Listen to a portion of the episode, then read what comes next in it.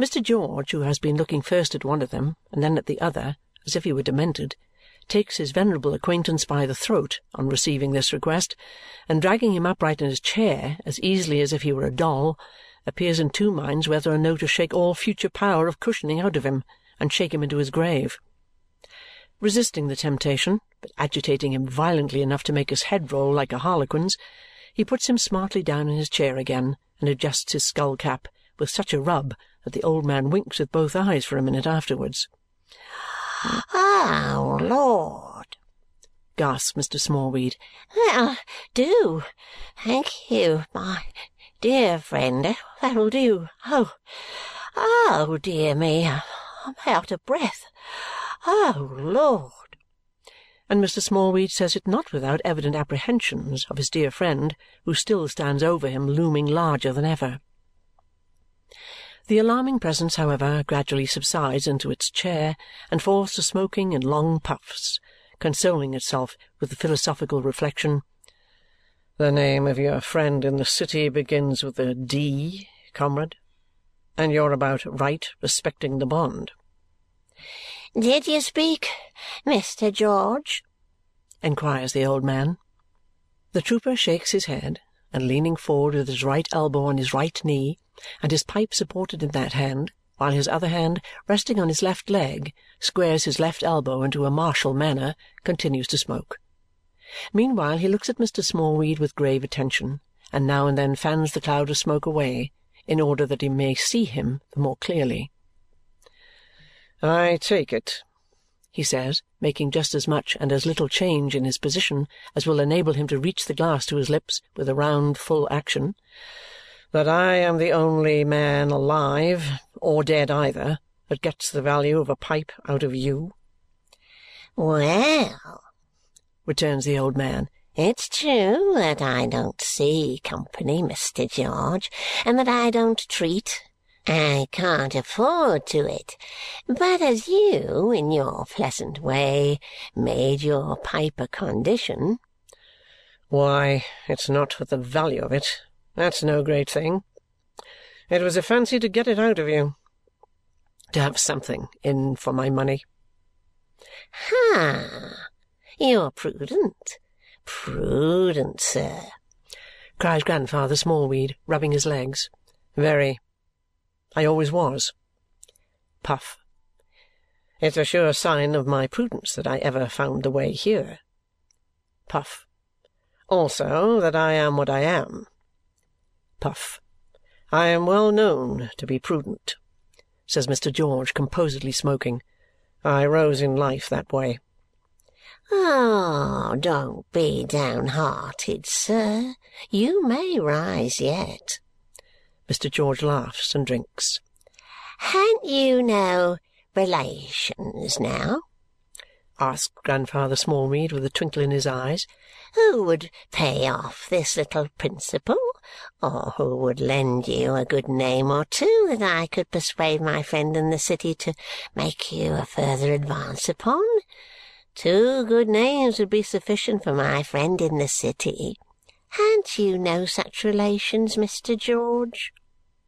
Mr. George, still composedly smoking, replies, "If I had, I shouldn't trouble them. I've been trouble enough to my belongings in my day. It may be a very good sort of penitence in a vagabond who has wasted the best time of his life to go back then to decent people that he never was a credit to and live upon them, but it's not my sort. The best kind of amends, then, for having gone away is to keep away, in my opinion." "That's natural affection, Mr. George," hints Grandfather Smallweed. "For two good names, hey?" says Mr. George, shaking his head and still composedly smoking. "No, that's not my sort either." Grandfather Smallweed has been gradually sliding down in his chair since his last adjustment and is now a bundle of clothes with a voice in it calling for Judy. That houri appearing, shakes him up in the usual manner and is charged by the old gentleman to remain near him, for he seems chary of putting his visitor to the trouble of repeating his late attentions. "Ha!" he observes when he is in trim again. If you could have traced out the captain, Mr. George, it would have been the making of you. If when you first came here in consequence of our advertisement in the newspapers, oh, when I say our, I'm alluding to the advertisements of my friend in the city, and one or two others who embark their capital in the same way, and are so friendly towards me as sometimes to give me a lift with my little pittance. If at that time you could have helped us, Mr. George, it would have been the making of you. I was willing enough to be made, as you call it, says Mr. George, smoking not quite so placidly as before for since the entrance of Judy he has been in some measure disturbed by a fascination, not of the admiring kind, which obliged him to look at her as she stands by her grandfather's chair. But on the whole, I am glad I wasn't now. Why, Mr. George, in the name of Brimstone, why? says Grandfather Smallweed with a plain appearance of exasperation brimstone apparently suggested by his eye lighting on Mrs. Smallweed in her slumber. For two reasons, comrade. And what two reasons, Mr. George? In the name of the of our friend in the city, suggests Mr. George, composedly drinking. Aye, if you like. What two reasons? In the first place, returns Mr. George, but still looking at Judy as if she being so old and so like her grandfather, it is indifferent which of the two he addresses. You gentlemen took me in. You advertised that Mr. Hawdon, Captain Hawdon, if you hold to the saying, once a captain, always a captain, was to hear of something to his advantage. Well? returns the old man shrilly and sharply.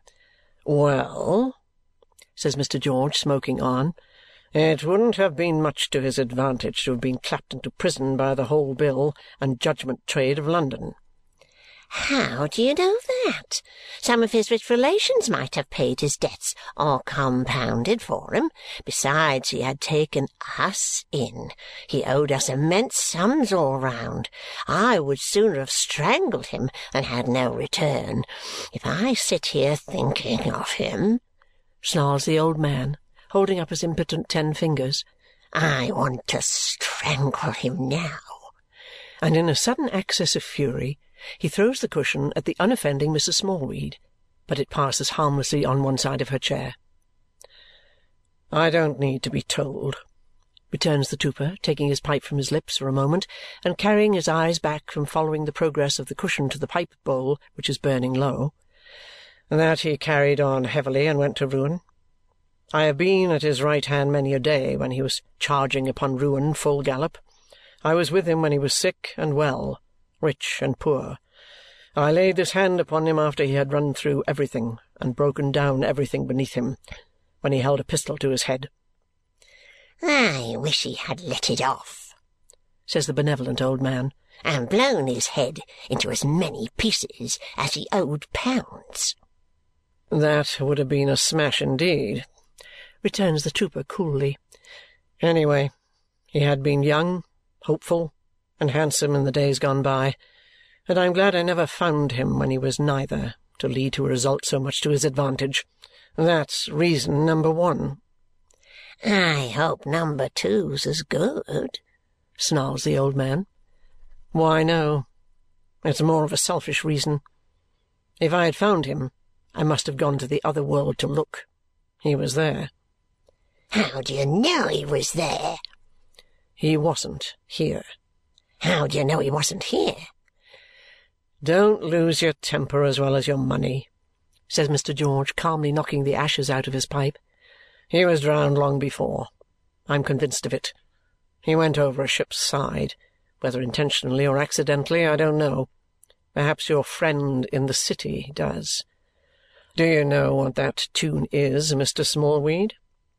he adds after breaking off to whistle one, accompanied on the table with the empty pipe. Tune? replied the old man. No, we never have tunes here. That's the Dead March in Saul. They bury soldiers to it, so it's the natural end of the subject. Now, if your pretty granddaughter excuse me, miss will condescend to take care of this pipe for two months, we shall save the cost of one next time. Good evening, Mr. Smallweed. My dear friend. The old man gives him both his hands. So, you think your friend in the city will be hard upon me if I fall in a payment? says the trooper, looking down upon him like a giant. My dear friend, I'm afraid he will, returns the old man, looking up at him like a pygmy. Mr. George laughs, and with a glance at Mr. Smallweed and a parting salutation to the scornful Judy, strides out of the parlour, clashing imaginary sabres and other metallic appurtenances as he goes. You're a damned rogue, says the old gentleman, making a hideous grimace at the door as he shuts it. But I'll lime you. You dog, I'll lime you. After this amiable remark, his spirit soars into those enchanting regions of reflection which its education and pursuits have opened to it, and again he and Mrs. Smallweed while away the rosy hours, two unrelieved sentinels, forgotten, as aforesaid, by the black sergeant. While the twain are faithful to their post, Mr. George strides through the streets with a massive kind of swagger and a grave enough face. It is eight o'clock now, and the day is fast drawing in he stops hard by Waterloo Bridge and reads a playbill, decides to go to Astley's Theatre. Being there, is much delighted with the horses and the feats of strength, looks at the weapons with a critical eye, disapproves of the combats as giving evidences of unskilful swordsmanship, but is touched home by the sentiments. In the last scene, when the Emperor of Tartary gets up into a cart and condescends to bless the united lovers by hovering over them with the Union Jack, his eyelashes are moistened with emotion. The theatre over, Mr. George comes across the water again and makes his way to that curious region lying about the Haymarket and Leicester Square, which is a centre of attraction to indifferent foreign hotels and indifferent foreigners, racket courts, fighting men, swordsmen, foot guards, old china, gaming houses, exhibitions, and a large medley of shabbiness and shrinking out of sight. Penetrating to the heart of this region, he arrives by a court and a long whitewashed passage at a great brick building composed of bare walls, floors, roof rafters, and skylights, on the front of which, if it can be said to have any front, is painted George's Shooting Gallery, etc. Into George's Shooting Gallery, etc., he goes, and in it there are gaslights, partly turned off now, and two whitened targets for rifle shooting, and archery accommodation, and fencing appliances, and all necessaries for the British art of boxing. None of these sports or exercises being pursued in George's shooting gallery to-night, which is so devoid of company that a little grotesque man with a large head has it all to himself and lies asleep upon the floor. The little man is dressed something like a gunsmith, in a green baize apron and cap, and his face and hands are dirty with gunpowder and begrimed with the loading of guns. As he lies in the night before a glaring white target, the black upon him shines again. Not far off is the strong, rough, primitive table with a vice upon it at which he has been working. He is a little man, with a face all crushed together, who appears from a certain blue and speckled appearance that one of his cheeks presents to have been blown up, in the way of business, at some odd time or times. "Phil," says the trooper in a quiet voice. All right, cries Phil, scrambling to his feet. Anything been doing? Flat as ever, so much swipes, says Phil. Five dozen rifle and a dozen pistol. As to aim, Phil gives a howl at the recollection. Shut up shop, Phil. As Phil moves about to execute this order, it appears that he is lame, though able to move very quickly. On the speckled side of his face he has no eyebrow, and on the other side he has a bushy black one, which want of uniformity gives him a very singular and rather sinister appearance. Everything seems to have happened to his hands that could possibly take place, consistently with the retention of all the fingers, for they are notched and seamed and crumpled all over. He appears to be very strong and lifts heavy benches about as if he had no idea what weight was He has a curious way of limping round the gallery with his shoulder against the wall and tacking off at objects he wants to lay hold of instead of going straight to them, which has left a smear all round the four walls, conventionally called Phil's mark.